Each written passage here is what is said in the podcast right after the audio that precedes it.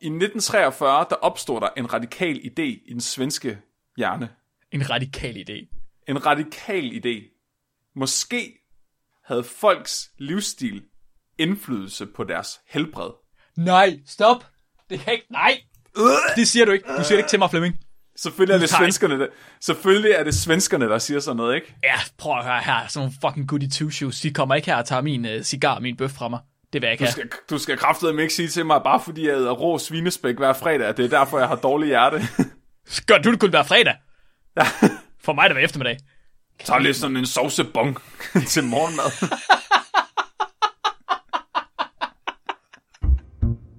Vi bringer en advarsel. Den følgende podcast handler om vanvittig videnskab. Al forskningen, der præsenteres, er 100% ægte og udført af professionelle. Mark og Flemming står ikke til ansvar for eventuelle misforståelser, men minder jeg om, at de altid har ret. Husk at være dumme.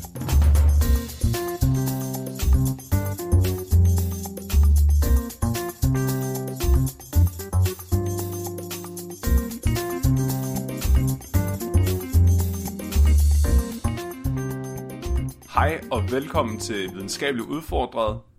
Jeg er jeres øh, forsker, der får tingene gjort i dag, Flemming. Og jeg har ikke skrevet under på det her, Mark Lyng. I dag der skal vi, øh, der skal vi tale om øh, uetisk forskning. Så det, det vil sige, når, når nogle personer er gået lidt for langt på videnskaben. Lidt for langt på videnskaben. Hvad, hvad, hvad vil det sige at gå lidt for langt på videnskaben? Ja, men det er sådan den klassiske James Bond-skurk, at, øh, at at de mener, at den viden, de får ud af deres forskning, den måske er mere værd end de etiske komplikationer, der vil være ved forsøget. Er det for eksempel sådan noget som at genetisk krydse sine håndlanger med en blæksprutte? Altså, det er jo bare sejt. Så det må man gerne. Det er okay. Det er et godt spørgsmål. Er det så øh, synd for blæksprutten eller for mennesket? Det, det er faktisk tomatsuppe bacon dilemmaet igen. Ej, nu. Åh, ja. Hashtag Team Tomatsuppe. Nej, jo, så øh, vi skal snakke om forskere i dag, som har nok er gået lidt over stregen. En lille Kan vi smule. blive om det, Mark? Ja, en Så lille det, smule Det over er forskere, der, der, har været lidt, der har været lidt træls, til gengæld har de måske også fundet ud af noget, der var ret spændende. ja. Så Og det er jo det, der er det pisseirriterende ved at forske for mange forskere, det er, at de kunne finde ud af super meget. Måske al- altså 10 års forskning kunne de få gjort på en weekend, hvis de måtte få lov til at bruge nogle studerende som forsøgspersoner. Åh, ja. ja. Og uden at de skulle skrive under på noget. Ja, En af de... altså det er jo pisseirriterende, det er jo pisseirriterende det der med, at vi skal bruge... Først så skal vi bruge enkeltcellede organismer, ja. og så skal vi bruge mus, og så bliver, vi, så bliver det grise, ikke? Og så, men hvad, hvorfor tager vi ikke bare Bente inden for nummer 7? Og ved du, hvad, Ikke? ved Altså, du, hvad, de der, der- hvad det værste ved det er? Så Nej. det, det er svært nok at få fat i Bente info nummer 7, men det er fandme også svært at få fat i musene. Og i grisene. Altså inden længe, så skal vi også øh, have de encellede organismer til at skrive under på, at de må bruges til forskning. Ja, hellercellerne. Ja, ja, ja, ja. Så skal vi have øh, underskrevet consent fra øh, Henrietta Lacks. Altså, det kan man sgu ikke bruge til noget som helst. Ej, I kan måske godt fornemme, at mig og Mark vi er lidt biased her. Vi, er, vi synes jo klart, at øh, videnskaben er vigtigere end noget andet i hele verden. Etik, det er, øh, det er underordnet, synes jeg. Det, jeg, for, jeg forstår det ikke, i virkeligheden. Altså, hvis vi er kommet til den her podcast for at høre om etik, så, så, så er I landet det forkerte, det forkerte sted. Nej, nej, nej. Det er bare dårlig etik. Det er bare dårlig etik. Dårlig etik. Det er etik, der får tingene gjort, Mark. Præcis. Eff- effektik. Effektik. Måske skulle folk få lov til sådan, hvis er nogen, der er sådan, alligevel ikke gad livet mere, at de så kunne få lov til sådan at donere deres krop til videnskaben, inden de dør. ja. Så at man kunne skrive under på, du må godt skære i mig. Også selvom det går ondt. Så kunne vi inficere dem med et eller andet og se, hvad der sker. Sådan, hvad sker der, hvis vi, hvis vi blander fugleinfluenza med svineinfluenza? Og så giver det til nogen, hvad sker der så? Det synes jeg faktisk er en rigtig god idé. Fordi så behøver man ikke stå der og skal være sådan martyragtigt og spise det selv. Så kan man bare hælde det ned i halsen på Bendorf for nummer 7. Ja, eller hvis du gerne vil bruge CRISPR til at, at lave genmodificeringer på folk, se om du giver dem en ekstra arm eller et eller andet. Det bu- jeg, jeg, ja, jeg har aldrig rigtig forstået det der etik i virkeligheden. Det må man skulle sige. det kan være, vi skal ind en, en dag til at forklare os det.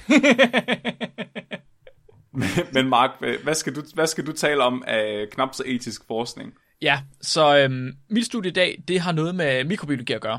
Vi skal kigge på, hvad der sker, hvis man kommer til at glemme at afslutte sit forsøg, hvor det er, at man kigger på syfilis, der ikke bliver behandlet.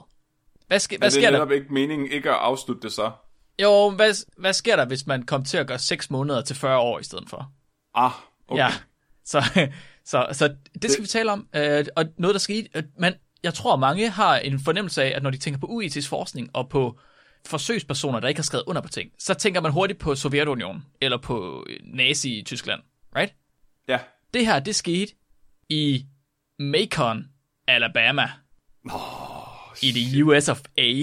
Fucking amerikanere. Men de er bare så gode til at skjule det, de laver. Altså, Det er for sindssygt, mand. Fucking crazy jeg har været inde og kigge jeg var også inde og kigge på listen over sådan eksperimenter. USA's liste, den er godt nok lang. Det er Ja, helt det vildt. er sindssygt, man. Det er vildt, hvad de er sluppet afsted med, og så stadig, altså, de bliver stadig set som den gode nation.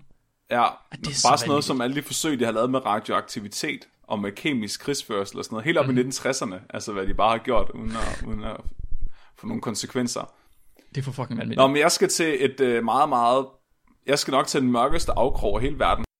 Der, hvor der foregår den mest uetiske forskning, og hvor menneskerettigheder, de bare er ikke eksisterende.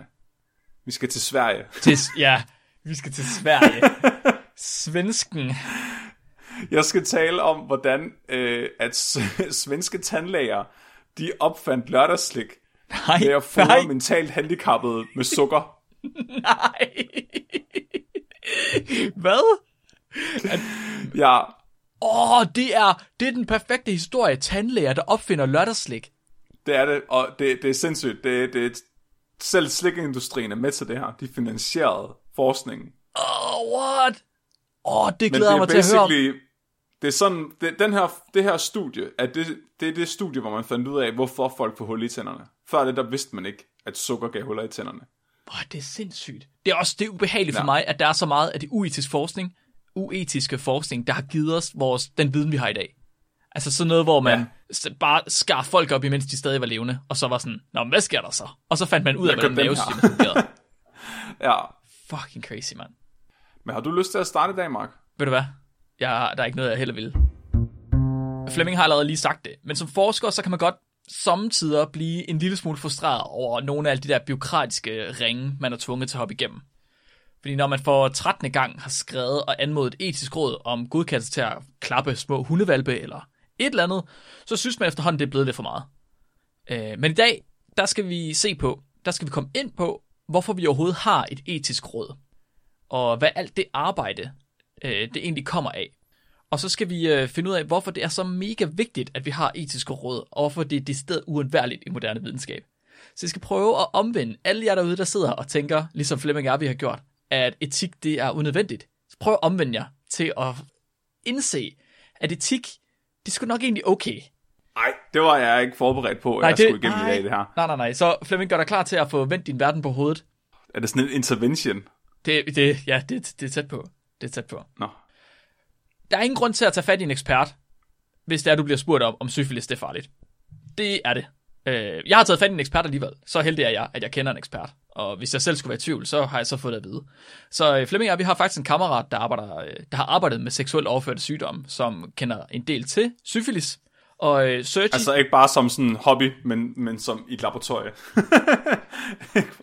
hvis, du, hvis dit arbejde ikke er din hobby, altså Flemming, så har du gjort noget forkert. ja, det er Han kan bare virkelig godt lide syfilis. Ja. Så Sergi, han har fortalt, at syfilis, det er en bakterieinfektion med en bakterie, der hedder Treponema pallidum. Så det er en lille spiralformet bakterie, der kan hoppe ind i, i din krop gennem sådan nogle mikrosår og rifter. Så normalt, når den gør det, så gør den det på ens, øh, ens kønsdel. Den kan også gøre det på andre overflader af kroppen, men som regel er det ens kønsdel. Først, så giver det et, måske flere sår. Sådan nogle små sår, røde knopper nærmest, der de gør hverken ondt eller klør. Øh, og i løbet af et par dage, så har pallidum, den har simpelthen brugt sin proptrækkerform til at skrue sig igennem slimlag i kroppen, og så få adgang til ens blodbane og til ens lymfesystem. I, øh, oh. i, det helt, I det helt slemme tilfælde, der har den der proptrækker, den som har drejet sig hele vejen ind i knoglerne eller centralnervesystemet. Og her kan Nej. den simpelthen bo til patienter, de dør af det. Åh, hvorfor? Det, det skal, sådan skal det være. Det, Hvorfor det er skal der, det være. altså når folk siger, at naturen er smuk, så har de aldrig så tænkt er det på helt sikkert, fordi de aldrig har kigget på naturen gennem et mikroskop. altså, det, det, det, Naturen er forfærdelig. liv. syfilis, det, det er en sexsygdom. De fleste har nok hørt om. Den var virkelig, virkelig farlig tilbage i, i 1800-tallet og 1900-tallet. Også før det i virkeligheden. Men der vidste vi, hvad det var. Den kan udvikle sig til mindre ting, som inkontinens og impotens, men også til værre ting som meningitis og blindhed og stroke og demens. Den kan også øh, inficere hjertet og gøre skade på hjerteklaverne. Og det kan simpelthen gå så galt, at man kan dø af den. Til allersidst. Tilbage i starten af 1900-tallet, der var man også godt klar over, at syfilis var problematisk. Dengang noget mere, end man er nu. Nu om dage, der er syfilis ikke et stort problem, fordi vi kan bare bruge penicillin til at behandle det. Men i starten af 1900-tallet, der havde man ikke nogen god behandlingsmåde, metode til syfilis. Så i stedet for, så brugte man bare alle til mulige mærkelige ægteskabet. ting. Præcis. Vent til ægteskabet. Øh, brug nogle mærkelige sager. Hvad, hvad, sådan noget som kviksøl for eksempel. Det er skide godt til, til at smøre på pikken, Ja, hvis overladning for helvede. Overladning. Puha. Øh, arsenik var også øh, vel meget brugt. Bismuth. Alle mulige gode sager kan man bruge til det. Simpelthen. Det, Bly. det skulle bare have noget bly i skuden. Så man havde ikke rigtig nogen ordentlige behandlingsmetoder. Man vidste godt, at den var problematisk. Men man var ikke helt klar over, hvad problemerne var. Man var ikke klar over, hvorfor den var problematisk. Man vidste, at folk de kunne dø af den og blive gale af den. Øh, men ikke andet end det. Så i Oslo, der lavede man et studie med ubehandlede syfilispatienter, for at undersøge, hvad konsekvenserne af syfilis egentlig var. Fra 1891 til 1910, der havde Rigshospitalet i Oslo, de havde taget imod godt 2.000 patienter med syfilis inde på deres dermatologiske afdeling. Afdelingslederen på Oslo Rigshospital dengang, han hed Cæsar Bøk. Og Cæsar, han var overbevist om, at den her sygdom, den skulle ikke behandles med kviksøl og arsenik. Der var han egentlig klog nok. Den skulle i stedet for bare have lov til at lade gå sin gang. Der, Det er jo sådan, jo, så er du ikke læge for helvede. Jo, hvis du, altså- hvis du, Så han- Cæsar, han var overbevist om, at øhm, behandlingen, man havde dengang, den var simpelthen meget, meget værre. Bivirkninger for den var meget værre, end sygdom var i sig selv. Så han mente, så, hvad at... er det for en læge? Ah, men han har jo Hvad virkelig er det for en læge, der siger, prøv at høre, alt hvad jeg kan gøre, det gør det bare værre, så nu har jeg tænkt mig at lade være med at gøre noget. Men det er jo rigtigt, men det er da rigtigt nok. Du vidste, Det er bare hvis du, sygt, det er meget, det er sindssygt selverkendelse. Jo, true, men det skal man vel også have. Prøv at tænke, hvis han, hvis han var ligesom alle andre lærere, og bare blev ved med at kaste kviksøl i hovedet på folk. Så kunne du Det, blive det, både er jo ligesom, blind og prøv, døv det er ligesom, hvis du skulle ned og købe en bil, og så sælgeren står, Ej, det er kraftet med en lortebil, det her. Gå over og køb en cykel i stedet for på den anden side af vejen. Det vil vi sgu da gerne have. Skulle da hellere det, end at have en lortebil. Jamen, du, så, så, så sælger han jo ikke nogen biler, Mark. Men du, det er jo, han er læge, han skal ikke sælge biler, Flemming. Han skal, han skal redde folket, så for de ikke dør. Han skal, jo sæ- han skal jo sælge sine kvaksalver. Nej. Al hans varierede kost og For motion. Cæsar, han var overbevist om, at kviksøl, det var værre end syfilis. Så han sagde simpelthen, lad være med at behandle dem, og så skriver vi ned, hvad der, er, der sker med dem i stedet for. Så han tog en masse ualmindeligt detaljerede noter øh, om de her 2.000 patienter. Og de resultater fra de her noter her, dem fik han faktisk ikke selv udgivet. De blev først udgivet helt tilbage, eller helt senere i 1955, altså øh, 40 år senere, af ha- hans protégé, som hed Trygve Jestland i, i Trygves doktorafhandling. Men andre steder i verden, før at de var blevet øh, udgivet, de her resultater, der havde man allerede hørt lidt om Cæsars noter, og man havde godt hørt om det her forsøg. Mm-hmm. Så øhm, specielt, specifikt i Tuskegee i Alabama i USA. I Tuskegee, der var de langt foran på tolerancefronten tilbage i 1900'erne. Det mente de i hvert fald selv. Øh, og der var en mand ved navn Booker Washington, der gjorde nogle store armbevægelser for at øge den sorte økonomiske vækst, og deres undervisning og deres sundhed. Så Booker han fik simpelthen start, startet øh, Tuskegees uddannelseseksperiment, og så fik han en masse støtte fra nogle filantroper op fra de nordlige stater. Det var skide fint. Så kunne man ligesom få udviklet på den der sorte kultur på deres økonomi og alt muligt mærkeligt. Men det hjalp ikke rigtigt på, at Tuskegee fortsatte med at være en af de fattigste byer i USA. Øh, størstedelen af indbyggerne de var sorte, de var sharecroppers, hvilket betyder, at de bare arbejdede for en godsejer og plukkede bomuld. Wow, så de var egentlig stadigvæk slaver. Basically, ja, basically. De tjente en dollar om dagen, tror jeg det var. Og Øhm, og et studie i 1929, det fandt, at syfilis i Tuskegee, det var vidt udbredt. Altså basically det meste af befolkningen havde det. ja, Det var, så der var nogle forskere inde ved USA's øh, offentlige sundhedssektor, der ligesom havde fundet ud af det. Og dengang, der var de mega racistiske. Og det var en god ting dengang, synes de selv. Øh, de de var racistisk. Ja, være racistisk. De, de synes, det var okay. Sejt det der med, at man kunne dele menneskeheden op i forskellige raser. Og så kunne man måske finde ud af nogle nye ting, hvis nu man sagde, den her race kan det der, den der race kan det der. Det for, øh, for, forskere eller videnskabsfolk elsker bare at sortere ting. Helt vildt, helt vildt. De er Det, så, det er bare rart at kunne få lov og til de er det. så trætte af det, når der er nogen, der ødelægger deres sortering. Simpelthen ja. irriterende. Du kan ikke både have de hvide perler og de sorte perler i den samme bøtte. Det, det må man ikke. Det giver ikke mening. Altså, hvor er min kontrol... Helvede altså. de her forskere, de her racistiske forskere, de var sygt ærgerlige over, at Norges noter kun var på hvide mænd. Fordi øh, det var det eneste Caesar, han ligesom fik ind. Der var ikke så mange sorte i Norge på det tidspunkt. De ville jo Nej. gerne vide, om der var en forskel mellem sorte og hvide syfilispatienter. Klart nok. Men hvad kan de bruge det til? Jamen, det kunne man måske, det skal jeg ikke kunne sige. Men de ville bare gerne vide det. Øhm, ja, det ville de gerne vide. Mm. Det, de havde set, at i Norge, i øh, Bøks noter, at der kunne syfilis gå ind og så ramme øh, centralnervesystemet og hjernen. Og forskerne, de havde en hypotese om, om ikke den primitive og underudviklede sorte hjerne, og jeg skal lige understrege rigtig, rigtig meget, det er deres ord, det er fra 1920'erne, de sagde, den primitive og den underudviklede sorte hjerne, den går jo muligvis udenom de her mentale problemer, som man kan få fra syfilis. Og det er ligesom det, vi snakker om i sidste uge med mind upload. så Åh, oh, det er fuck. Ja, lige præcis. Ja, så lige deres, okay, så deres argument er, at fordi at øh, der er mindre elektronik i den her bil, så er der mindre, der går i stykker i den. 100 procent, det er lige præcis det, de siger. Okay. Ja, lige præcis, lige præcis. Um, så der en af lærerne fra det her studie her, Thomas Morell, han sagde, det her studie her, det var super smart, fordi man kunne ligesom få, et, man kunne ligesom få øh, klaret det problem, som var det negro problem. Jeg siger det igen, det er hans ord. De mente, så jeg tror, at de mente, at fordi, igen, de mente, at øh, sorte, de var underudviklet mentalt, at derfor så begik de også mere kriminalitet, og derfor kunne man komme det her negro problem til livs, hvis man kunne undgå, at de fik syfilis, I guess.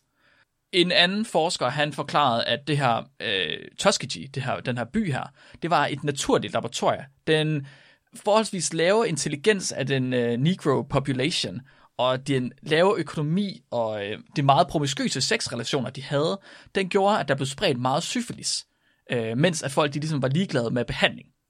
Det, øh, det var, og der er ingen andre kilder på det, så han må jo have ret. Eller hvad?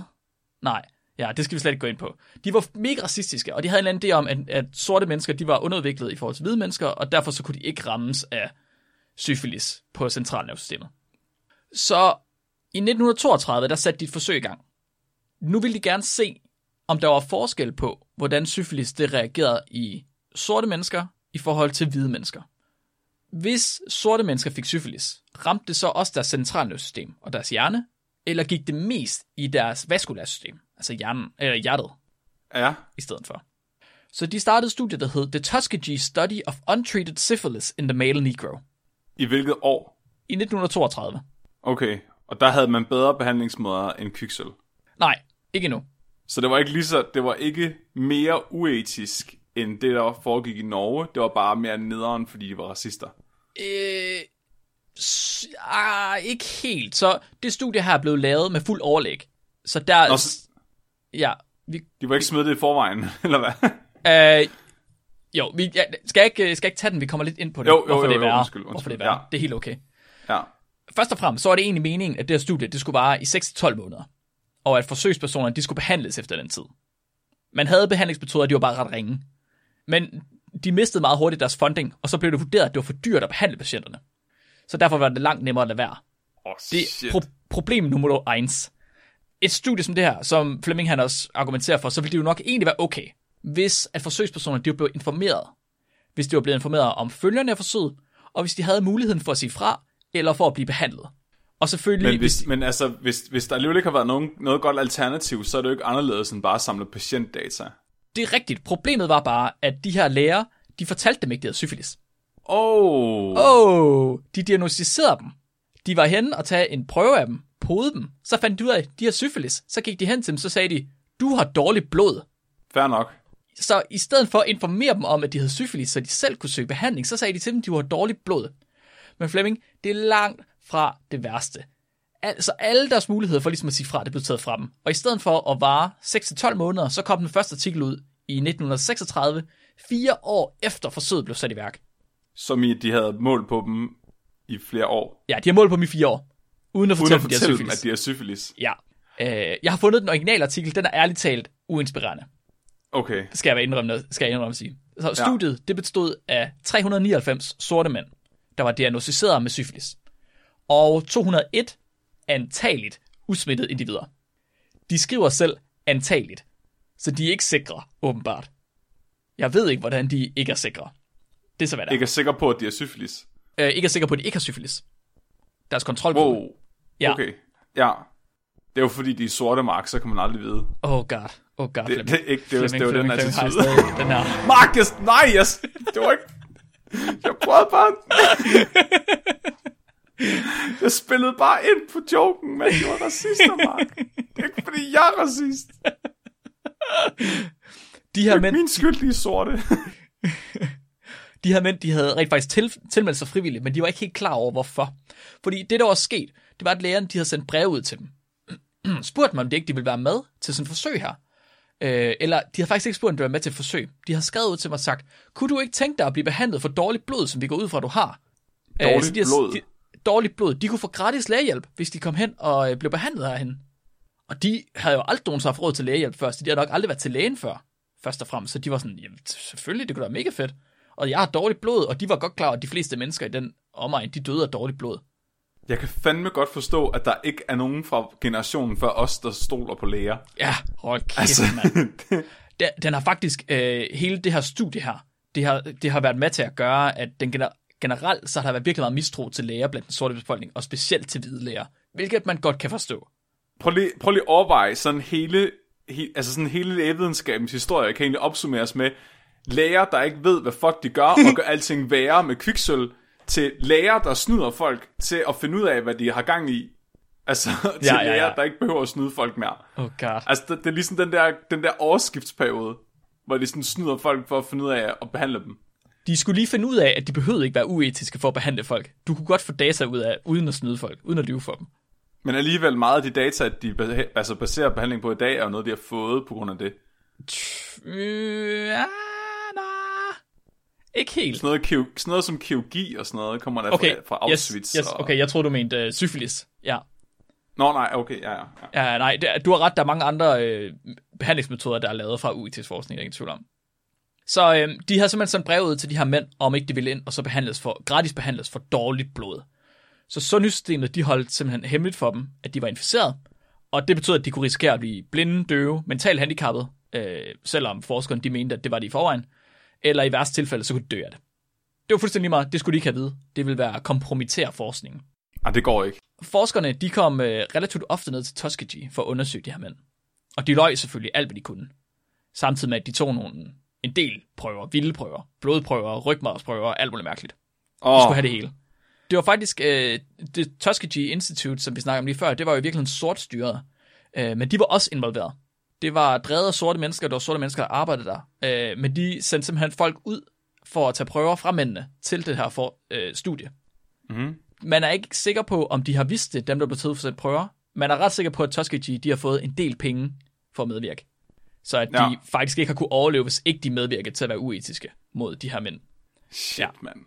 Efter studiet, efter de havde la- lavet de her første fire år, så øh, lavede de en graf. To grafer. Der sammenlignede de de to grupper, de havde med. Altså mændene med syfilis øh, og mændene uden syfilis. Og så fandt de, at mændene med syfilis, de generelt havde flere hjertesygdomme, neurologiske sygdomme, hudsygdomme og problemer med knogler og led end usmittede personer. Fair nok. Det var præcis det, vi vidste i forvejen. Det var Ja. det, Norge også fundet ud af. Ja, ja, at de, de bare... De, der, hvor de kommer hen, der ødelægger de. Yes. De så også, at øh, mængden af hjerteproblemer steg, hvis sygdommen havde været he- helt ubehandlet i ni år. I ni år. Mhm. Ni år. Yep. Og hvis øh, forsøgspersonen de bare havde fået utilstrækkelig behandling, kviksøl eller bismuth eller et eller andet, så steg mængden af hjerteproblemer altså ikke. Er det rigtigt? Ja. Så kviksøl hjælp. Åbenbart. Åbenbart. Ej, hvor er det fuck. Det var nok, fordi de døde af noget andet inden. Muligvis.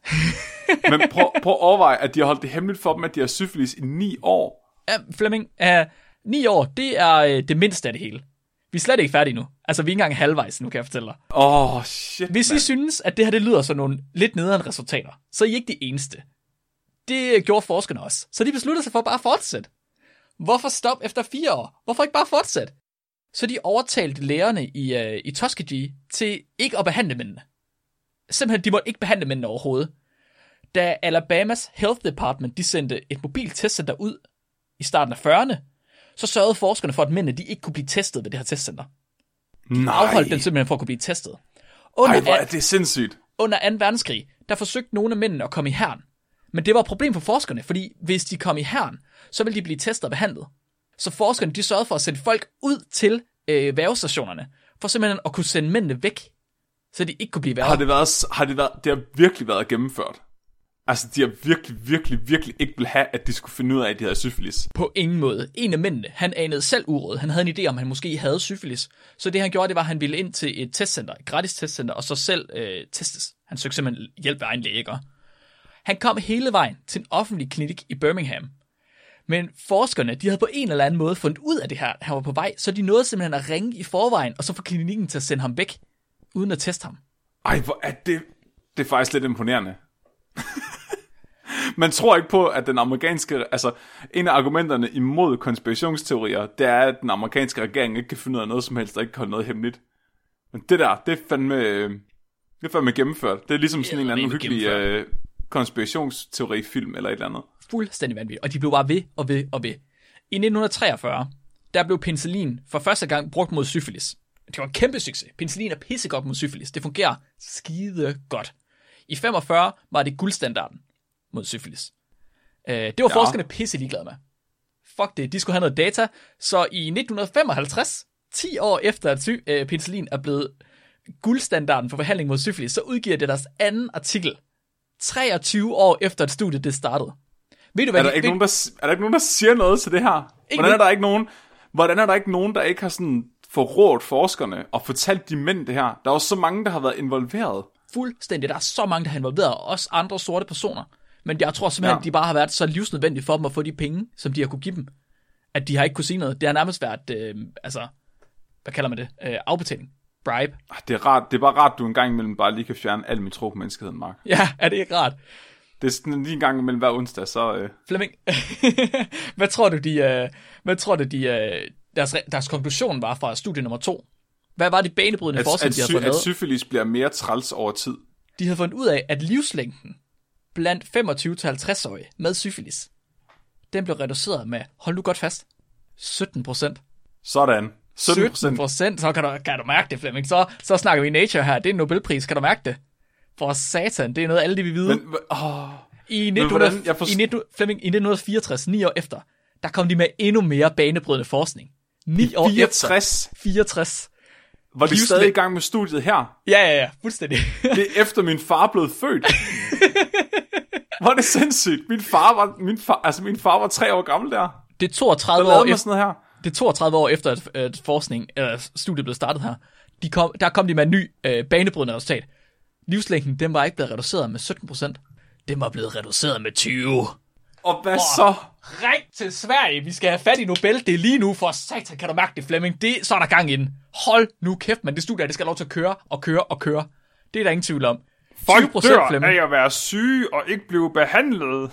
For satan, det, hvem havde troet det? Studiet, det fortsatte igennem USA's revolution for sortes borgerrettigheder. Det fortsatte gennem Martin Luther Kings I Have a Dream. Selv, efter, selv efter, at man på CDC, altså Center for Disease Control, havde holdt møde i 69 om det specifikke studie, der fortsatte det. Man har siddet inde på Center for Disease Control, der står for at øh, klare pandemier. Og så har man sagt, ja, sorte mennesker, de skal da bare have lov til at syfilis. Men Mark, du, du ved, det er ligesom, det er ligesom, hvis du kommer til at lyve om noget, ikke? Og så bagefter, så vil det være sådan lidt ydmygende sådan, at indrømme, at det var en løgn. og, så, og så bliver du nødt til at lyve lidt mere for at holde den der løgn kørende, ikke? Det er Altså, det, det, det er den mest udviklede sitcom-historie, jeg har hørt. det er sådan, skal vi ikke lige se, om sorte mennesker får mindre syfilis i hjernen end hvide mennesker? Og det, det kan vi da godt. Vi er jo trods alt racister. og så går der et år, ikke? Nej, det virkede ikke. Og vi giver den lige tre år mere. Og så, så er det efter de der fire år. Nå, vi burde nok fortælle dem, at de faktisk har syfilis, så vi har holdt det hemmeligt. Vi kunne også bare lade være. Ja, ja, ja. og, så, og så jo længere tid der går, jo mere akavet er det blevet at skulle fortælle dem det. Sådan efter 20 år, der, der var ikke en mulighed. Altså, det var... Kæft, mand. Jamen, det er for fucking latterligt, men der har siddet rige, hvide mænd inde i CDC, og så har de sagt, you will never have an opportunity like this. Take advantage of it. Opportunity? Hvad snakker du om? Hvad for en mulighed? Du har, reduceret, du har set, at livslængden er reduceret med 20%. Der er ikke flere data i det her. Du kan ikke finde ud af mere. Du ved alt. Du kan da behandle syfilis. Det er ikke et problem længere.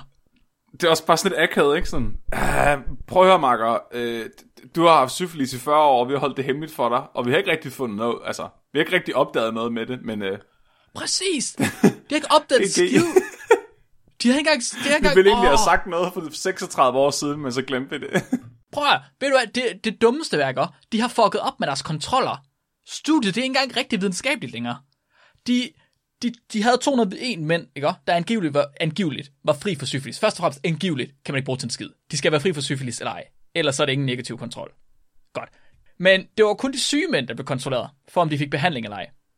Så de havde ikke en skid styr på, om deres kontrolgruppe fik syfilis eller ej. Ej, hvor er det dumt. Så der er ret mange af personerne i kontrolgruppen, der også fik syfilis. Så de har sammenlignet folk med syfilis med folk med syfilis. Og så er de om der er en forskel mellem folk med syfilis eller folk med syfilis. Fedt. De, hvad, de kunne ikke bruge det data til en skid. Og det vildeste var, selvom de havde så meget kontrol på dem, der rent faktisk blev syge, så fik de også behandling. Utilstrækkelig behandling, godt nok, men de fik stadig alle mulige mærkelige medicamenter. Kviksøl, bismus, de fik øh, øh, te og øh, alle mulige andre ting. Altså, de kom ind til læger, alle mulige ting. America. Fuck Fucking yeah. åndssvagt, mand. Ej, hvor er Så- det det mest latter, det er det mest dumme, jeg nogensinde har hørt. Det, prøv at, man har simpelthen... Ej, det er for vildt, mand. Det er fortsat, indtil der var en epidemiolog ved navn Peter Buxton i 72, der legede whistleblower simpelthen, og så videregav information. Han var epidemiolog inde ved CDC. Så han gav noget information videre til sin journalistmarker, øh, og så stoppede studiet. Lige med det samme, i 72. Mhm. Ja, det blev en skandale i medierne. Allerede øh, året efter, der øh, havde man sat flere forskellige komitéer op, etiske komitéer. Øhm, ja, man sørgede for at få oprettet de her komitéer, for at ligesom kunne beskytte mennesker i forskning, og det blev gjort obligatorisk også at få informeret samtykke, altså informed consent. Øh, og det er på baggrund af det her studie, at man sidenhen har gjort det så populært, skal man næsten sige, at lave etiske råd, både på lokal, national og global plan. Så det du siger til mig, det er, at, at grunden til, at vi ikke kan lave sej videnskab nu, grunden til, at etisk råd sidder og siger, nej, nej, nej, nej, nej, nej, nej, det er fordi, der er nogen, der har brændt chancen af på verdens dårligste uetiske forsøg nogensinde, hvor de ikke Ja. engang havde en ordentlig kontrol med. Yep. Hvis du alligevel skal lave et uetisk forsøg, hvor du ødelægger folks liv systematisk over 40 år, kunne du så i det mindste ikke have fundet ud af noget interessant, altså. Mm-hmm. Hvad sker der? Så det sidste, vi sidder tilbage med, det er jo nok, hvad skete der så med de her mennesker? Med de her forsøgspersoner? Og ud af de uh, 379, uh, 399 mennesker, der var 94 af dem i live i 72. Mindst 28, men op imod 100. De er ikke engang sikre. Det er det dummeste ved det. De var døde af syfilis. Nej. 28 til 100 personer var døde af syfilis. Mindst 40 ægtefæller var blevet smittet, og 19 børn var blevet født med syfilis. Ej, hvor er det sindssygt. Det er det vildeste. The Tuskegee Study of Untreated Syphilis in the Negro Male. Det er den vildeste skandale inden for forskning. Og så er det endda på amerikansk jord. Prøv lige at overveje, at hele vejen op, hele vejen op til 1972 har man kørt et forsøg, hvor man har dræbt sorte mennesker for at bevise, at de er mindre intelligente end hvide mennesker. Det er for sindssygt. Det er for sindssygt. Det er ikke så heldigt. Det ser ikke så godt ud. Ah, okay, jeg forstår, man forstår godt, hvorfor, øh, hvorfor der er, stadig er en eller anden form for uenighed mellem øh, sorte og hvide. Ups. Ja. Oha. Mere kan man ikke sige om det, så det er derfor, vi har etisk råd, og jeg synes, vi skal være taknemmelige for at have etisk råd, så sådan noget her, det ikke kan ske igen. Tak, etisk råd. Tak, etisk råd. Jeg skal fortælle jer historien om, hvordan lørdagsslik blev opfundet af en flok tandlæger, hvis forskning blev finansieret af slikindustrien og gik ud over handicappede mennesker ved Nå. at, at stopfodre dem med sukker, uden at børste deres det- tænder. Det er, sådan, det er den, den historie, ikke? Man, sådan, man sidder og tænker, ja, det her, det, det her, det er så on the nose, at det kan ikke have fundet sted i virkeligheden. det er så Tandlæger, tandlæger, der opfinder huller i tænderne. Det kan ikke, det kan ikke være rigtigt. Det er så... Altså, det er en af de bedste historier, vi har haft indtil videre, synes jeg. Det er så... Og, det, og så er det svenskere, selvfølgelig er det svenskere. Ja, selvfølgelig er det svensker. Så det her, det er kendt som uh, Vibeholm-eksperimenterne. Mhm. Og det er en række eksperimenter, der blev udført tilbage i 1950'erne af nogle tandlæger på et uh, hospital, der hed Vibeholm. Og det her hospital, det var et, uh, nok hvad man vil kalde, et, uh, et hjem for mentalt handicappede. Så mm-hmm. dengang, der hed det jo bare åndssvage mennesker. Det, I dag, der vil, vil man så være lidt mindre, hvad hedder det, politisk ukorrekt, og så sige, det er folk med øh, svær grad af autisme, Down-syndrom, øh, ma- ildmangel under fødslen, andre ting. Simpelthen rent gør- faktisk øh, have respekten nok til at give dem en diagnose, frem for bare at kalde dem åndssvage. Ja, præcis. Øh, dengang der var det hele det samme. Altså, øh, hvis de, de blev kaldt åndssvage, og de boede på det her hjem, og, øh, som hed Vibeholm. Nå. Men der var et større problem i Sverige. Et meget større problem i Sverige, end at man ikke kunne finde ud af at behandle de handicap ordentligt. Og det var, at alle, alle svensker havde huller i tænderne. Kæmpe problem. Jeg har et kæmpe problem, for helvede. Jeg, læ- jeg, jeg læste den her statistik i artiklen og tænkte, det er godt nok meget det her, indtil det gik op for mig, jeg havde læst det forkert. Så først, først læste jeg det som om, at 83% af skandinaviske børn på tre år havde karies. Så karies, karies, det er huller i tænderne, eller begyndende huller i tænderne. Ja, 83% af skandinaviske børn på tre år havde karies. det er mange. Det er rigtig mange. Det er rigtig, rigtig mange. Indtil det gik Ja. op for mig, der faktisk, det der i virkeligheden stod, det var, 83% af deres tænder havde i gennemsnit karies. Nå, nå. Så det var i virkeligheden 1 ud af 1000 børn, der ikke havde huller i tænderne i alderen 3 år. Nej, så det er 99,9 procent af børnene, der har huller i tænderne. Ja, 99,9% af 3-årige skandinaviske børn havde huller i tænderne i 1930'erne. Og de havde i gennemsnit 83 procent af deres tænder med huller i. Ja, og prøv at overveje det her. I den alder, der er der altså ikke engang alle børn, der har fået alle deres tænder endnu. Åh, oh, hurra for mælketænder, mand. Så kunne de sgu da heldigvis skifte dem ud. Det er oh, så det sindssygt. Det, det, det, det er 1930'erne. Det kostede What? svenskerne øh, 165 millioner svenske kroner om året på ta- i tandpleje. I et land med 7 millioner mennesker. Altså, det var, det var en stor udgift for den svenske regering, at folk havde så elendige tænder. Ja, Så Okay. i 1943, der opstod der en radikal idé i den svenske hjerne. en radikal idé. En radikal idé. Måske havde folks livsstil indflydelse på deres helbred. Nej, stop. Det kan ikke. Nej. Det siger du ikke. Du siger det ikke til mig, Flemming. Selvfølgelig er det svenskerne, der, selvfølgelig er det svenskerne, der siger sådan noget, ikke? Ja, prøv at høre her. Sådan nogle fucking goody two shoes. De kommer ikke her og tager min uh, cigar og min bøf fra mig. Det vil jeg ikke Du have. skal, du skal kraftedeme ikke sige til mig, bare fordi jeg æder rå svinespæk hver fredag, at det er derfor, jeg har dårlig hjerte. Gør du det kun hver fredag? For mig er det hver eftermiddag. Tag lidt sådan en sovsebong til morgenmad.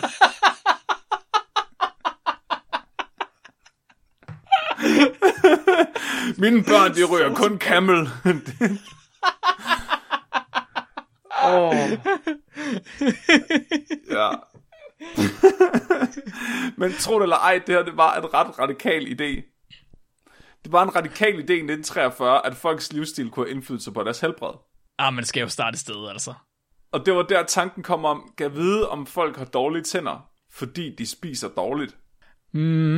Det, jeg, kan stadig, jeg, jeg, jeg kan ikke se sammenhængen. Den findes ikke for mig. Nej, jamen, jeg, jeg ved heller ikke, hvor de får det her fra. Altså, Nej. det, det, nej. Så Sveriges regering, de beslutter sig for, at det vil de sgu egentlig gerne finde ud af. Kan vide, om øh, alle personer i vestens tænder rådner, fordi vi spiser noget andet end folk, der ikke er fra vesten. Så oh. derfor... Vent, så hvor, folk, der ikke var fra Vesten, de havde ikke huller i tænderne? Nej, Er det rigtigt? Nej. det var, Det var jeg ikke det klar var, det var først, når at andre folkefærd adopterede den vestlige diæt, at de begyndte at få huller i tænderne. Wow. Er det fordi, vi har et så meget, så mange kulhydrater i forhold til dem? Blandt andet, ja. Men det er også øhm, grunden til, at vi har skæve tænder, for eksempel. Mener man, det er fordi, at vi ikke, altså vi får sådan noget blød mad. Så du kan se i rigtig mange afrikanske lande, at der har, der har de haft perfekte tænder, indtil de har fået vestlig diæt, så er det bare begyndt at ligne, at de kaster ind i munden på dem. Fordi de som børn, så er de ikke tykket nok på sådan noget som rødder og andre ting, så deres gane har ikke udvidet sig ordentligt. Og derfor er der ikke plads til tænderne, og så får de skæve tænder ligesom os. Stop, det var jeg ikke klar over. Jo, altså, lortetænder, det er en vestlig ting. Det er vestlig diæt, der gør det. Nå, hvor vildt, at han bare se. Ha. Så man skal, man skal bare aldrig spise grød. Det er det, det jeg altid har sagt. Grød er noget fucking lort. Spis altså, Altså, noget hvis- med substans i stedet for. Hvis du gerne vil have, at dine børn ikke får skæve tænder, så skal du sørge for, at de som små får sådan nogle lakridsrod og sådan nogle andre ting. Altså, lige... Lakridsrod. altså, det er ikke bare kun De kan tage en rod fra haven. kartoffelmos. Ja. Giv dem noget hippie-mad, ikke? Ja, ja, præcis. Men, den, men der, den her idé, den begyndte at opstå dengang. Og øhm, det var også begyndt at blive for dyrt, fordi alle folks tænder bare var lort. Så Ja. ja. regeringen, den svenske regering, de bad øhm, The Medical Board, hvad hedder det på dansk, øhm, sundhedssektoren mm-hmm. i regeringen, om at løse det her problem. Og der, øh, der blev Vibeholm ret hurtigt udvalgt som det perfekte sted at teste den her hypotese. For det første, så behøvede man ikke at, at tænke på de her mennesker, fordi de var jo mentalt handicappede, og derfor skulle man selvfølgelig ikke tænke på deres helbred. For det andet, så kunne man også kontrollere deres diæt uden problemer. Fordi de boede her 24-7, og det de fik at spise, det var det, de fik at spise. De kunne ikke øh, tage ud i kiosken og klokken 10 om aftenen og købe et eller andet, de ikke skulle købe og spise det. Og det er en af de problemer, der tit er med de her studier, hvor man kontrollerer folks kost, det er, at du kan ikke kontrollere deres kost, uden at du overvåger dem 24-7. Men Nej. her giver det sig selv, de er her allerede døgnet rundt. Plus, der er rigtig, rigtig mange forsøgspersoner, jeg mener patienter, på det her hospital. For helvede. Så de opstillede nogle krav for de her patienter, for at de kunne få lov til at deltage. Der var tre krav. For det første, så skulle de ikke have noget imod at blive undersøgt i munden. Det vil sige, at de skulle ikke gå amok, når en tandlæge kiggede dem ind i munden. Nummer Ja. to, så skulle de ikke have nogen underliggende sygdomme, såsom tuberkulose eller, øh, hvad hedder det, syfilis, andre ting, som Fordi kunne det- have indflydelse. Ja, fordi hvis de nu gik amok, så skulle man ikke risikere, når de så bed en læge, at så gav de det videre. Præcis. Ja. Og så den tredje kriterie, og det mest relevante, det var, at de mindst skulle have 10 tænder tilbage i munden. Det mindst relevante. den mest relevante. Nå, okay, trods alt. Fordi det var kun 663 ud af de 964 beboere, der levede op til de her krav. Ej, hvor er det vanvittigt. Og der skal du tænke på, at størstedelen af dem, det er, altså, det er personer i 20'erne og 30'erne. Ej, det er vildt, mand. Der er fandme ikke noget at sige til, at bedstefar, han er gebis. Ja, altså min, min farfar, han var i starten af 40'erne, da han gik ned og fik reddet de sidste tænder ud, og så øh, fik gebis. Jeg tror, min farfar, han er... Han var af den alder, hvor man fik gebis i øh, konfirmationsgave. Ja, det øh, var også øh, min farfars storebrødre og sådan noget, der gjorde det. Ja, ja, ja. Så er det fandme overstået med det der. Ja, Det er ikke ondt, når vi får dem, og det er ikke ondt, når vi skal med dem igen. det åndssvagt. Ja, og for jer var det kun syv år imellem. ja, der var de kun lige ud, så var det det. Men ja, det var fordi vores, øh, vores kost dengang, den var så dårlig, eller vores, vores, den vestlige kost var ret ny dengang, så det betyder, at vores tænder blev fuldstændig ødelagt af den, plus man havde ikke nogen idé om tandhygiejne, så sådan noget som tandpasta fandtes egentlig ikke rigtigt. Altså man, det var for eksempel helt nyt, at man havde fundet ud af, at fluor øh, var forebyggende mod huller i tænderne. Mm, det fandt man ja. først ud af i omkring 45. Så, vi, så, så der, var den, der var den her periode under f- an, første og 2. verdenskrig og lidt før, hvor, hvor vi spiste elendigt, og alles tænder bare rådnede, men man havde ingen måde at behandle det på, og man vidste ikke hvorfor. Ej, hvor er det vanvittigt. Ja, så det er, der, det er den der periode med gebis i konfirmationsgaveperioden. Ja. Nå, men målet var så at finde ud af ved at teste kosten på de her 663 personer, om den havde nogen indflydelse på deres tænder. Og øhm, det, de her forsøg foregik over fra 1945 til 1954, sådan, sådan cirka 10 år, hvor man kontrollerede deres kost og så, hvad der skete. Så der var tre forskellige faser af forsøg. Så den første fase, det var at teste, om kosten havde nogen indvirkning. Den anden fase var det, de kaldte ekstra studier. Og den tredje fase, det var det, der hed specialstudier. Så i 1954, der, øh, der går de så i, i altså der, der begynder de så at udgive de her artikler. Altså der har de mm-hmm. de første resultater. Og øh, de finder ud af, at der er ingen, eller de, de laver et review af den viden, der er op til det her tidspunkt. Så de, de har ikke selv publiceret deres egne resultater, men de kigger på, hvad, hvad konsensus er hos andre tandlæger. Og andre tandlæger, den kollektive forskning af dem, konkluderer, at der er ingen sammenhæng mellem kost og huller i tænderne. Ja, nej, og de, de har jo fuldstændig ret. Altså, det er jo også det, man ser. Hvis nu man bare kaster sukker på tænder, så har de det bare helt fint. Ja, Ingen tvivl om. ja. Så, så det var lidt interessant, når de så kom med deres egne resultater. Så de, først så tester de Øh, de giver øh, patienterne stivelse i deres kost. De giver dem vitamin A, de giver dem vitamin C, D, de giver dem knoglestøv, og så giver de dem oh. fluoridtabletter. Og ingen af delene havde nogen indflydelse på deres tandpleje. Huh. Så de her fluoridtabletter havde heller ikke nogen signifikant indvirkning. Det havde stivelse oh, heller ikke. oh fuck. Men så, så var der nogen, der kun fik halvt så mange kulhydrater, som svenskere normalt spiste. Og det hjalp faktisk. Huh. Så de begyndte at se, at der var en sammenhæng mellem kulhydrater, altså sukker, og folks øh, tandproblemer, øh, altså huller i tænderne. Var det specifikt øh, sukker, eller var det stiv, altså øh, som i brød og korn og sådan noget?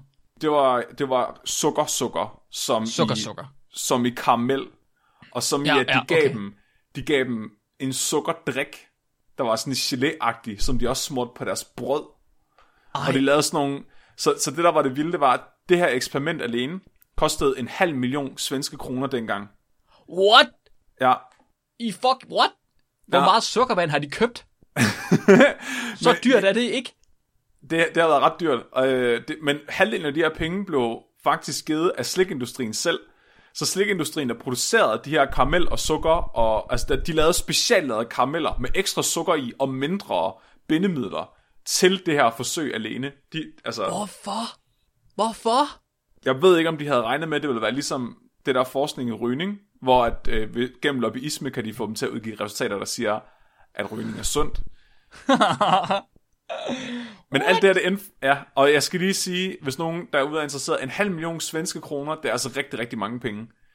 Og især når man tager højde for, at det var dengang. Men altså, hvis man skulle regne det ud til danske kroner i dag, så ville det sådan cirka være 28 danske kroner. Hvad? Jamen, Otte, fis. hvad? Jeg siger, en halv million svenske kroner svarer til 28 danske kroner mark. Det er ikke mange penge, Flemming. Nej, men prøv at høre, altså svenskere, de handler også med sådan nogle matador-penge, ikke? Altså, det kan Nå, ikke... det er også rigtigt. hvordan kan de, jeg forstår ikke, hvordan de kan tage over grænsen og købe ting herover, så det giver ikke mening for mig. Det har, Nej. de det har de jo ikke råd til. Det er jo fordi, de stjæler. Nå, det er derfor. ja.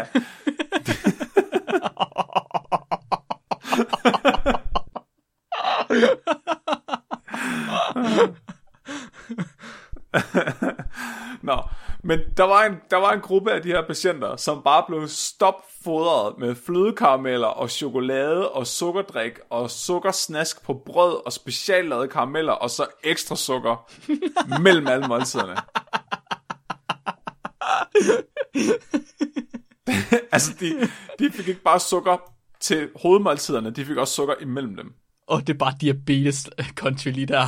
Åh oh, ja, ja, ja, jeg ved slet ikke. Øh, jeg ved ikke, hvad du regner med, der skete, Mark, men øhm, de, de fik huller i tænderne.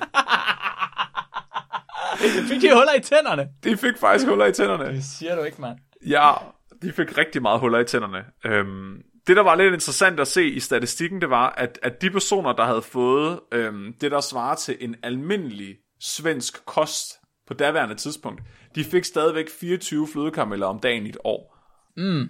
Det er god slat. Ja, så altså, den gennemsnitlige svensker spiste 24 flødekarameller om dagen. I Dengang. 45? Ja. Nej, 64 var det der. Hvad det, du sagde? 54. 54. Ja. Hvor, jeg troede, folk var fattige på det tidspunkt. Men jeg tror, at det har været billigt at fremstille flødekarameller. Jeg ved det ikke. Åh, det er mærkeligt. Spiser... Jeg skal selvfølgelig ikke kunne sige, hvor meget den gennemsnitlige person spiser slik i dag. Det er garanteret mere, fordi sukker det er skjult alle mulige steder. Ja, ja, det er jo alle mulige færdiglavet mad og sådan noget. Men, Men, Dengang øhm, spiser man bare flødekarameller. Fuck, hvor mærkeligt. Ja, ja, det er vildt underligt. Men så, øh, altså konklusionen den var, at, at sukker giver folk huller i tænderne. Tada! Altså det var første gang, nogen havde bevist det. Men, og, og det var egentlig det, at de resultater, som at de publicerede og lagde mest vægt på. Men så øh, var der nogle andre ting, der var ret bemærkelsesværdige ved de her resultater. Så for det første, det var, at 20-30 af procent af de patienter, som, som åd sukker med sukker på, de fik ingen huller selvom de nærmest åd rent sukker i et år. Huh. Altså, og der var ikke nogen af de her personer, der fik... Jo, jo, så det var den anden ting. Man opdagede også, at mændene, de fik betydeligt flere huller i tænderne end kvinderne. Huh. Men så fandt man ud af, at det var fordi, at det kun var personalet på kvindernes afdeling, der rent faktisk børstede deres tænder. Okay, de børstede tænder dengang. Ja, ja så, så personalet børstede tænder Ja, på ja, ja. patienterne. Ja, ja, ja. altså ja, ligesom ja. på børn. Så, Ja. Men det, det fik mændene ikke gjort. Det var kun kvinderne, dem der arbejdede på kvinde, af, kvindeafdelingen, der gjorde det. Så, de fandt, så der fik de så lige øh, ikke intentionelt vist, at der børste tænder, det er en god idé. De har virkelig fundet ud af mange ting, som vi gør i dag, i virkeligheden. Ja, men det var ret interessant, fordi udover at der var nogle patienter, som ikke fik huller i tænderne, selvom de åd rent sukker fem gange om dagen og ikke børstede tænder i et år, så var der også nogle af dem, som fortsatte med at få huller, efter de stoppede med at spise sukker. Så graden af karies, de havde, den blev ikke hæmmet af, at de ikke længere fik sukker. Nej, okay. Så det tyder egentlig på, at der var nogle af de her patienter, som var disponeret mere for at få huller i tænderne end andre. Mm-hmm. Og omvendt. Lægerne de noterede også, at patienternes livskvalitet den var markant højere under studiet. Nej, hold kæft, mand. Og både deres fysiske og psykisk helbred blev forbedret af studiet. Nej, de har aldrig fået så meget opmærksomhed, som de gjorde ved det studie. Og så meget fucking sukker. Ja. Prøv at tænke på, at slikindustrien har doneret en halv million svenske kroner til, at de bare kunne æde sukker i 10 år. Til gengæld, da studiet så var overstået, så var 50% af deres tænder rådnet væk. What? Er de tilbageværende tænder, eller i alt? I, altså i de tænder, der var til at starte, altså de, de 10, hvis de havde haft 10 tænder til at starte med, så var 50% af dem forsvundet undervejs. Oh my frick. Hvor er det... Ej, nej, nej, nej, nej. Altså de var, de var, de var decideret rådnet væk. Altså, Men de har aldrig været resterende- gladere, Flemming. De har aldrig været Nej, gladere. de har- det skulle nej. de huske. De sagde med De, glæde, øh, mens det skete. Og Efter- satan, det er fandme rart, når sådan en tand forsvinder. Det er, det er så sindssygt. Efter, og efter øh, det her øh, studie så overstået, så, så blev de aldrig instrueret i at børste tænder. Der var ikke nogen, der var sådan, okay, de, de havde faktisk fundet ud af, at det hjalp at børste tænder, men der var ikke aldrig nogen, der hjalp dem med det efter det. Og der var aldrig nogen, der sagde til dem, det var en god idé. Så de blev bare efterladt uden tænder, eller med dem, det havde tilbage. What? Ja, og det var også så fase 1, hvor man lavede alle de her studier, hvor man fodrede på forskellige måder for at se, hvad der skete. Så var der de her ekstra studier, øhm, så der, hvor man, und- og specialstudier, hvor man, hvor man sådan videre øh, undersøgte ting baseret på, på de eksisterende resultater, men også på nye resultater. Så øh, der var nogle genetikere, øh, Buk og Grahen, som tog rundt i 1953 og besøgte familien.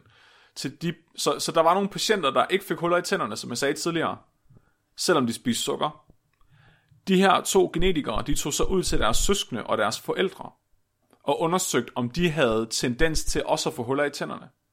Og så fandt de ud af, at de også havde mindre sandsynlighed for at få huller i tænderne. Ja. Så de konkluderede, at det altså var arveligt og højst sandsynligt genetisk, at folk fik færre huller i tænderne. Omvendt tog de også ud og besøgte dem, som fik mere huller i tænderne, efter mm. de holdt op med at spise sukker, og lavede den samme konklusion, at deres familiemedlemmer var også mere disponeret for at få huller i tænderne. Så var der øhm, Grupp og Krasse, som var to mikrobiologer. De tog i 1954 ud øh, og undersøgte øh, mikrobiomet i munden på folk. Sådan. Så Ja. kommer det. Ja, Endelig. de var øh, interesseret i øh, specifikt lactobaciller i munden på folk. De mente nemlig, at øh, huller i tænderne var på grund af bakterier. Ja. Så der er Carius og Bactus, ikke? Det er Bactus, det her, vi snakker om nu. Sådan, så var den der. Så for satan. De gjorde Det er det. så, hvorfor det hedder Carius og Bactus. Er det ikke bakterien, der giver karies? Jo. Skulle det så ikke være Bactus og Bactus, der er skurkene? Karies Jo, det burde det faktisk. Jeg har heller aldrig rigtig forstået. Så Karius og Bactus, øh, er det dem, der borer huller? Altså, de, de har... Ja. ja Det er sådan to trolde, der laver huller, men det er jo baktusserne, der gør det. Det er jo ikke, Ja. altså, ka- karies er jo hullet. Og det er virkelig... Han må have en eksistentialistisk krise. Der, næste gang jeg kommer til sådan noget børneteater, så skal jeg nok uh, lige råbe og kaste noget efter dem. Han står bare og kigger på de der huller og sådan, men jeg er hullet.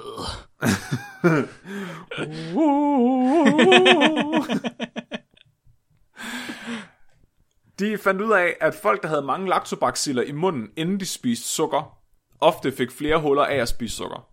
Til gengæld fandt de så også ud af senere i 1976, så det er lang tid efter, så fortsatte ham med krasse med at undersøge sammenhængen mellem lactobaciller og karies. Ja. Og han fandt ud af, at børn, der havde mange lactobaciller i deres mund, altså han tog ud på nogle skoler, og så kiggede han ind i munden på dem og så, der var nogle af børnene, der havde mange lactobaciller, og så opfordrede han dem til at spise mindre slik, og til at oftere børste tænder. Og da han så kom tilbage efter 15 måneder, så kunne han se, at de havde færre lactobaciller i munden. Så det er nok sådan noget destruktiv interferens, at hvis du spiser usundt, får du flere lactobaciller. Og hvis du har flere lactobaciller, får du flere huller. Og hvis du så spiser usundt, får du huller, og så får du flere lactobaciller og flere huller. Så det er sådan en ond spiral. Det giver også mening, fordi det du gør, det er jo i virkeligheden, at du selekterer for de bakterier. Så bliver man med at give dem næring, og ikke fjerner dem. Så kan de jo blive med at være der. Ja, pr- ja. Ja. præcis. Ja. Og øhm, det er lidt sjovt, fordi så den artikel, jeg sidder og læst om det her, var faktisk skrevet af Krasse selv i år 2001. Aha. Så det var sådan ligesom, når du ser sådan en actionfilm, hvor, ja, hvor de så også ja. slutter med at lukke bogen, og så sidder, den, så sidder actionhelten og blevet gammel. Det var sådan lidt der, sådan, den sluttede. Og det her, det er så 50 år senere, og jeg fortryder stadig intet. Dels der fortryder jeg, ikke flere flødekarameller. Og han, han prøver også at, at forsvare det her studie ved at sige, at den her artikel er altså blevet citeret 419 gange. Og prøv at høre, at deres tænder var sikkert rådnet og faldet ud alligevel. Hold kæft, mand. Alt det her, det ledte til, at der blev lavet sådan en uh, kampagne i Sverige, som blev kendt som Lørdagsgottis. Ej. Har du nogensinde hørt om svensk lørdagsslik? Ikke, ikke specifikt, nej. Det, altså det der med, det, vi har jo selvfølgelig fredagsslik herhjemme, og også lørdagsslik tit. Men, men ideen om en lørdagsskuffer, det er noget andet. Svin i for helvede. Flemming. Fokus. Undskyld, den poppede op og ned i hjørnet. Åh, oh, kæft mand. Så, øh, så, så det der med lørdagsgodter, lørdagsslik i Sverige, det er et øh, internationalt kendt fænomen, og det blev opfundet på grund af det her studie. Så fordi man opdagede, at sukker var lort, så begyndte de at lave sådan nogle øhm, brosyrer, de delte ud øh, til alle svenskere, hvor, der så, hvor de opfordrede dem til kun at spise slik om lørdagen. Så, de, så sloganet var, spis alt det slik du kan, men kun én gang om ugen. Og så blev det sådan forbundet med et eller andet bestemt radioprogram, Ja. der blev sendt om lørdagen, som alle børnene hørte. Og så spiste de lørdagsslik der. Og det hjalp psykopat meget på huller i tænderne i Sverige. Altså sådan, det, det blev meget, meget bedre, efter at børnene holdt op med flødekarameller. Altså 24 flødekarameller om dagen. så det er egentlig moralen med alt det her. Det har også spredt sig til andre lande. Altså Danmark, der har vi også konceptet om fredagsslik. Højst sandsynligt, fordi der var, hvad hedder det, fredagsteam på tv. De der, de der slikproducenter, der har øh, betalt for det studie, de må godt nok stå tilbage med, med lidt, altså sådan lidt en tavlig fornemmelse. Nej, de fået- nej, men det der fænomen med, med lørdagsgodter, som de kalder det i Sverige, er egentlig blevet ret stort. Så de har virkelig, virkelig meget blandt selvslik i Sverige. Altså okay. Sådan hele vægge med blandt selvslik. Så de har jo egentlig fået udviklet en helt... Altså, slikindustrien har egentlig fået... De vidste jo godt, det her ville komme. Så de fik egentlig reddet bølgen på en eller anden måde, og, og Ja. reddet deres egen industri okay. at og, og bare lave et skift i markedsføringen. Men de var sådan lige ved at fuck dem selv op. Altså lige ved at, sådan, sådan, at de troede, at nu skulle alle have lov til at spise slik, fordi det havde ikke noget med huller at gøre. Så lige pludselig sådan, ah, det ser ud som om det er omvendt. Fuck, fuck, fuck, fuck, fuck, hvad gør vi, hvad gør vi, hvad gør vi? Ah, lørdagsslik. Ah, jeg ved ikke, jeg tror mere, at de godt har vidst, at de her resultater vil komme. Jeg tror bare mere, at de ved at finansiere det, kunne de få lov til at bestemme den måde, det blev præsenteret på. Giver det mening? Ja, næsten lige så slemt. De, kunne, de fik jo egentlig lavet en markedskampagne ud af det, i stedet for Ja. en, øh, en, en, en, en, en, en modbevægelse. Ja, jeg, jeg, jeg, kan godt se det. En af de ting, der var ret interessant ved det her, det var, at øh, som jeg sagde før, var der også nogle specialstudier, hvor man undersøgte patienterne på andre fronter. Og en af de ting, man gjorde, det var, at man tog urinprøver og blodprøver, hvor man kiggede på deres sukkertal. Og der var en, øh, et studie fra 1957, der var lavet af Svenander Lange, som fandt ud af, at patienternes mundbevægelser og måden, de bevægede tungen på, når de spiste det her sukker, havde stor indflydelse på, hvor hurtigt sukkeret forlod deres krop, What? når de målte det i blodet og urinen på patienterne. What? Og det, at det, det, jeg kan ikke se, at der er kommet mere ud af de her resultater nogensinde, men, men det var konklusionen på det studie, at uh, Lange lavede i 57. Det er der ingen, der har samlet op. Altså, jeg har aldrig hørt om det. Det, hvad? Det har jeg heller ikke.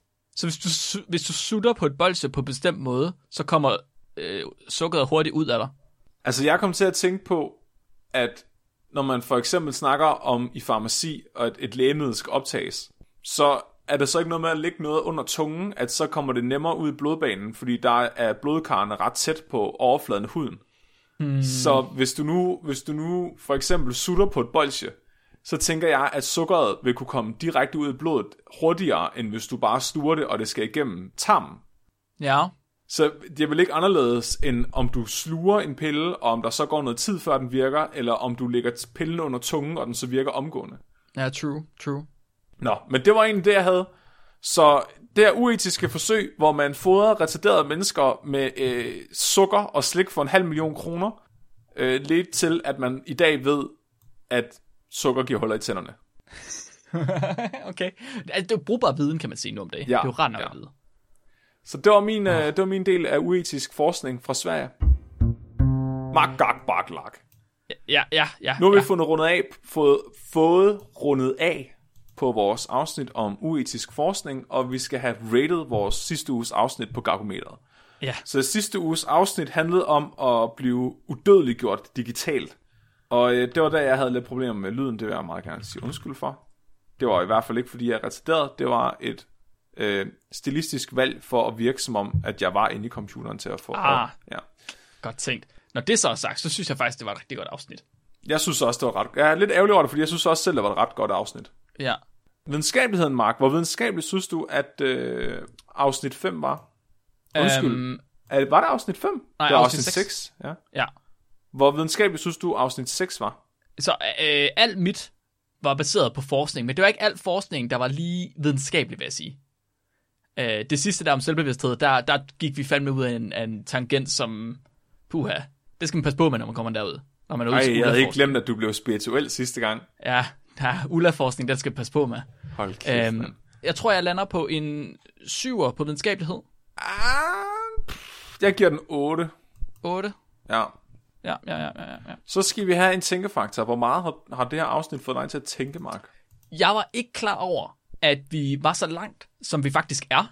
Og jeg var slet ikke klar over, at der allerede er simuleret en levende organisme. Ej, det var så fucked. At man Det har siddet er- og tegnet en ormehjerne op i hånden, og brugt det 30 år senere til at putte det ind i hjernen på en Lego-robot. Det er så vanvittigt. Altså, det, det beviser bare, at, at vi kunne så meget mere for 30 år siden, end vi regner med. Altså, det er for vanvittigt. Det er bare fordi, at vi er dogne, at vi kan komme længere, end vi er. Til gengæld kunne vi godt finde på at give sorte mennesker syfilis i 40 år. Åh oh, ja, fucking hell, mand. Det var cirka... Ja, det var 10 år senere, de gjorde det, tror jeg. For satan. Jeg giver den 8. Jeg, jamen, jeg giver den 9. Jeg synes, det var... Jeg har tænkt meget over... Jeg blev ret overrasket over det der med C-elegans. Jeg blev også overrasket over, at computeren allerede er potentielt bedre end vores hjerner. Det var også meget debatterende afsnit. Vi kom i virkeligheden til at snakke rigtig meget om, hvad det vil sige at være simuleret. Ja, Øh, hvilket også får mig til at tænke over, hvad det egentlig er at være simuleret, og hvad vi kommer til at gøre med det. Ja, det er meget sjovt, når vi kan få lov til at diskutere lidt med hinanden, i stedet for at bare berette os. Det kan jeg godt lide. Hvor hvor fjollet synes du, afsnittet var, Mark? Øhm, der var nogle fjollede aspekter. Mm-hmm. Generelt set var det ikke så mega fjollet, men jeg synes at putte en, øh, en orm og tage en orms essens og stoppe den ind i en Lego-robot, og så slå den på snuden, det er pænt fjollet. Og øh, jeg synes også, det var rimelig fjollet at forsøge at se, om man kunne stoppe elektromagnetiske felter ned over selvbevidsthed. Altså, du mener at prøve at finde ud af, hvad selvbevidsthed er med, Ja, men med så forklar det med, med, ja, så forklar det med Deepak Chopra. Åh, Ja, jeg er på en syver, tror jeg. ja. Og jeg, også, jeg giver den også 7. Til gengæld, til gengæld har jeg lyst til at give den 9 på Nobelfaktoren.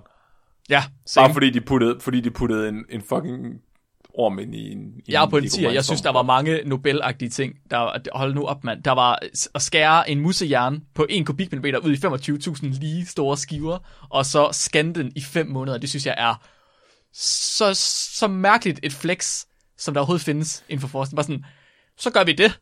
Hvorfor? Fordi Men- vi kan. Men Mark, Hvad ved du? Mark, Altså, hvad så? var der nogen høns med? Der var ikke nogen høns med. Så må du øh, juridisk, juridisk set må ikke give den 10. Min tier, den er ikke afhængig af høns. Jeg siger det bare. Team Chicken her. Ja. Øhm, så har vi en, øh, en læringsfaktor. Ja. Hvad siger du selv der? Mm, jeg, har lært, jeg har lært rimelig meget. Jeg vidste ikke, at vi var så langt øh, øh, hjerneforskning, som egentlig var. Altså, jeg vidste heller ikke, at, at det var så umuligt, som det var. Så på den ene side blev jeg overrasket over, hvor langt vi nåede, men også blev overrasket over, hvor langt der er tilbage. Så jeg, blev nødt, jeg giver den 8. Ja, jeg ligger også på en 8 af samme årsag. Det var også det der, øh, at vi allerede har computer, der kan øh, beregne 100 gange hurtigere end os. det virker mærkeligt. Altså, det er mærkeligt for mig, men samtidig det, at vi ikke rigtig forstår, hvad hjernen overhovedet er, betyder også, at vi ikke, øh, at vi ikke nok gør det inden for den nærmeste fremtid i hvert fald. Ja. Okay. Ved mig, der giver det en score på 80, hvilket er pænt højt, vil jeg sige. Damn. Øh, vi har afsnit her, øh, 322 af ting, man gør i rummet, hvor du snakkede om hønserumræset, gjorde du ikke det? Jo, ej, det er, det, mit, det er mit yndlingsafsnit, tror jeg. Den fik 79 point. Nej! Jo. Ej, og så virkede min lyd ikke det her. Ej, Fuck. Flemming. Undskyld. Damn, damn, damn, damn, damn. Det tror jeg, det er, mit, det er mit personlige yndlingsafsnit. Med høns i rummet. Det, ting, man gør i rummet, ja. Ja. det var også godt. Hønserumræset. Nå, Mark. Mm-hmm. Det var gargometerscoringen. Mhm. Hvad, øh, hvad skal vores øh, lyttere gøre? Vores lyttere, de skal... Øhm, hvad skal de gøre, Flemming? Skal de, skal de tjekke vores merch ud? Ja. Er det ved at være tid? Ja. Så jeg, vores lyttere, de skal gå ind på, på bit.ly-vu shop, og så skal de gå ind, og så skal de se, om ikke de kan finde en, øh, en kop eller en t-shirt, som er mega fed. Og så skal de kigge på den. Og så skal de øh, tænke rigtig, rigtig længe. R- overveje. Virkelig, virkelig gruble. Stiger på den skærm, og så tænk, kunne jeg godt tænke mig sådan en? Nej, Og hvis man, de skal købe dem alle sammen. Og så skal de gå med dem alle sammen på én gang. Og så skal de råbe til hele verden. Gå ned i Bilka. Og råb til alle, at de skal høre podcasten. Nu synes jeg, nu synes jeg, du bliver meget beordrende, Flemming. Det har jeg ikke lyst til. Jeg synes, man må selv bestemme. Men hvis man skal tage Flemmings råd, så vil det være en god idé at få, få jer selv en kop med en høne på, eller øh, en kop med et logo på. Gå ned i den afdeling af butikken, der sælger tomatsuppe. Hver gang der er nogen, der prøver at tage en dåse, så slår det lyd ud af hænderne på dem. Og så siger du til dem, at de skal skamme sig, og de skal gå hjem og lytte til videnskabeligt udfordret. Hvorfor har vi ikke lavet en Team Tomatsuppe t-shirt nu, og en Team Chicken t-shirt nu? Prøv at høre, Mark. Det kan du ikke gøre. Det vi til at gøre. Vi nødt- udfordret. Jeg har også anpart i det her brand, Mark. kan- du, kan ikke, kan- du kan ikke besudle mit navn på den måde. Jeg er associeret med den her podcast.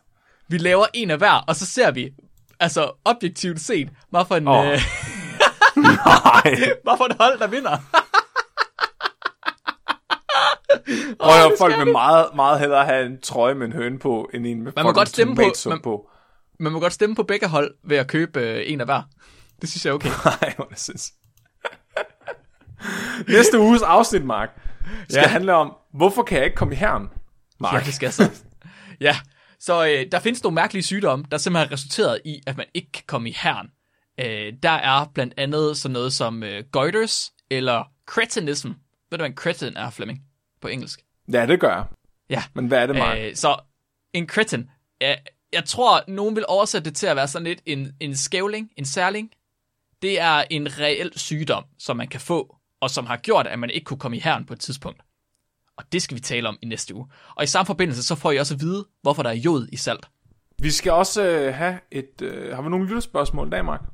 Skal vi have et lytterspørgsmål, inden vi slutter? Jeg har et fra øh, Ruben. Ruben Ekelund. Bring it. Og Ruben, han er lige kommet ind på vores Discord her for ikke så længe siden, så det er fedt at have dig med, Ruben. Ruben, han spørger, gør vi som mennesker os en bjørnetjeneste ved for evigt at bevare historien og frede antikke fund, som for eksempel områder, bygninger, men også genstande? Er det problematisk, at vi altid freder ting, i stedet for at lade det blive revet ned og lade nye ting opstå? Åh, oh, det er et godt spørgsmål. På Så et eller andet skriver- tidspunkt, på et eller andet tidspunkt, så er der kun sådan 5 kvadratmeter tilbage af verden, Ja, man må røre ved, fordi resten, det er bare blevet monumenter. Præcis. Så øh, Ruben, han skriver lidt ekstra. Han skriver om grund til, han siger, øh, når vi for eksempel finder et tempel eller lignende, så bliver området fredet, sådan at arkeologer de kan undersøge det og alt det der. Men når de er færdige, og alt, der kan læres, er lært, bør man så tillade stedet, at det bliver destrueret, sådan at vores civilisation kan udvikle sig, frem for at bevare stedet. Fordi i dag, der bliver det jo fredet og bevaret, men som Flemming han også øh, argumenterer, så på et tidspunkt, så begrænser, eller i løbet af det her, så begrænser vi pladsen vores civilisation, men også som naturen og dyreriget, det kan have, des mere vi bevarer. Altså, nu kommer jeg til at tænke på, altså, der er jo, altså selvfølgelig det der med pladsen er måske ikke et problem, men det er jo en ret stor finansiel byrde at øh, renovere og, og bibeholde sådan nogle steder, især mm-hmm. hvis at der ikke er nogen særlig stor turistfaktor, så de ikke kan tjene penge gennem turisme til at, at, at beholde stedet. Jeg fik lige en vild idé, fordi i forbindelse med, at vi snakkede om digital udødelighed sidste uge, Og vores teknologi, den efterhånden er så god, at du kan 3D-scanne alt. Hvorfor ikke, i stedet for at scanne menneskehjerner, så scanne arkeologiske fund, lægge lortet op på nettet, lad folk gå ind med VR, og så slet det fra øh, jorden. Altså, man gør allerede alt det, du sagde, bortset fra at slette det. Du kan downloade 3D-scanninger af gamle græske statuer og mosefund. Og... Hvad fanden skal vi så med resten? Slet lortet. Der er meget Jeg- mere plads på en computer. Men altså, man gør jo allerede meget det der med... Hvad fanden var det nu? Der var en konge, øh, en engelsk konge, der blev opdaget her for nylig. Ja, han blev fundet på en parkeringsplads. Richard den 3. Så Richard den 3. han blev for eksempel fundet for nylig på en, under en parkeringsplads i England, fordi han var blevet begravet et eller andet sted, hvor man ikke vidste, hvad det var. Og der havde man lige præcis kun råd til at lave sådan tre huller og kigge efter ham i. Og der fandt man ham så i de ene af hullerne. Men der fandt du egentlig hele den katedral, han var blevet begravet i under jorden. Men det man gør, ja. det er altid bare, at du graver op, tager det du vil have, tager nogle billeder af det, og så lukker du bare hullet igen. Altså, så det er ret normalt, at hvis man finder et eller andet, så, så graver man det bare ned igen, og så laver man parkeringspladsen igen. Det var jeg faktisk ikke klar over. Der kan Altså, bare der, se. der, der er, blev, her på Tåsingen, der bliver tit fundet sådan nogle stenalder ting og sådan noget. Altså sådan landsbyer og rester af bosteder og sådan noget. Det bliver bare gravet ned igen. Altså, så, så laver de et hul, og så, og så finder de lige det, der var værd at gemme på, og så, så putter de bare jord henover igen. Altså, så det er ikke Det lyder, sådan, det lyder virkelig, virkelig dansk. Sådan, man kommer til at åbne op for en eller anden, øh, en eller anden høj et eller andet sted, sådan, oh fuck, der var et eller andet vigtigt dernede, vi lukker bare igen. Det er ingen, der Ja, så. ja, ja. Bare Det er ikke vores problem. luk endnu. for det. ja. Ja. Væk med det. Ja. Så det lyder som om, vi er enige. Øh, digitalisere lortet, og så fjern det. ja, brug pengene på forskning i stedet for. Flere fede, have sagt. Ja, Alright. dagens dyrefakt, Mark. Dagens dyrefakt det er sendt ind af Jonas, Jonas Bamse Andersen. Og Jonas, han skriver, strussefarmere, de har mega svært ved at få deres strusse til at parre sig, for de er ikke interesseret i hinanden. De er interesseret i farmerne. Åh, oh, det er pissefrægt. Det er pisse frækt. Mit navn er Flemming. Og mit navn er Mark. Du er blevet videnskabeligt udfordret. Husk at være dum.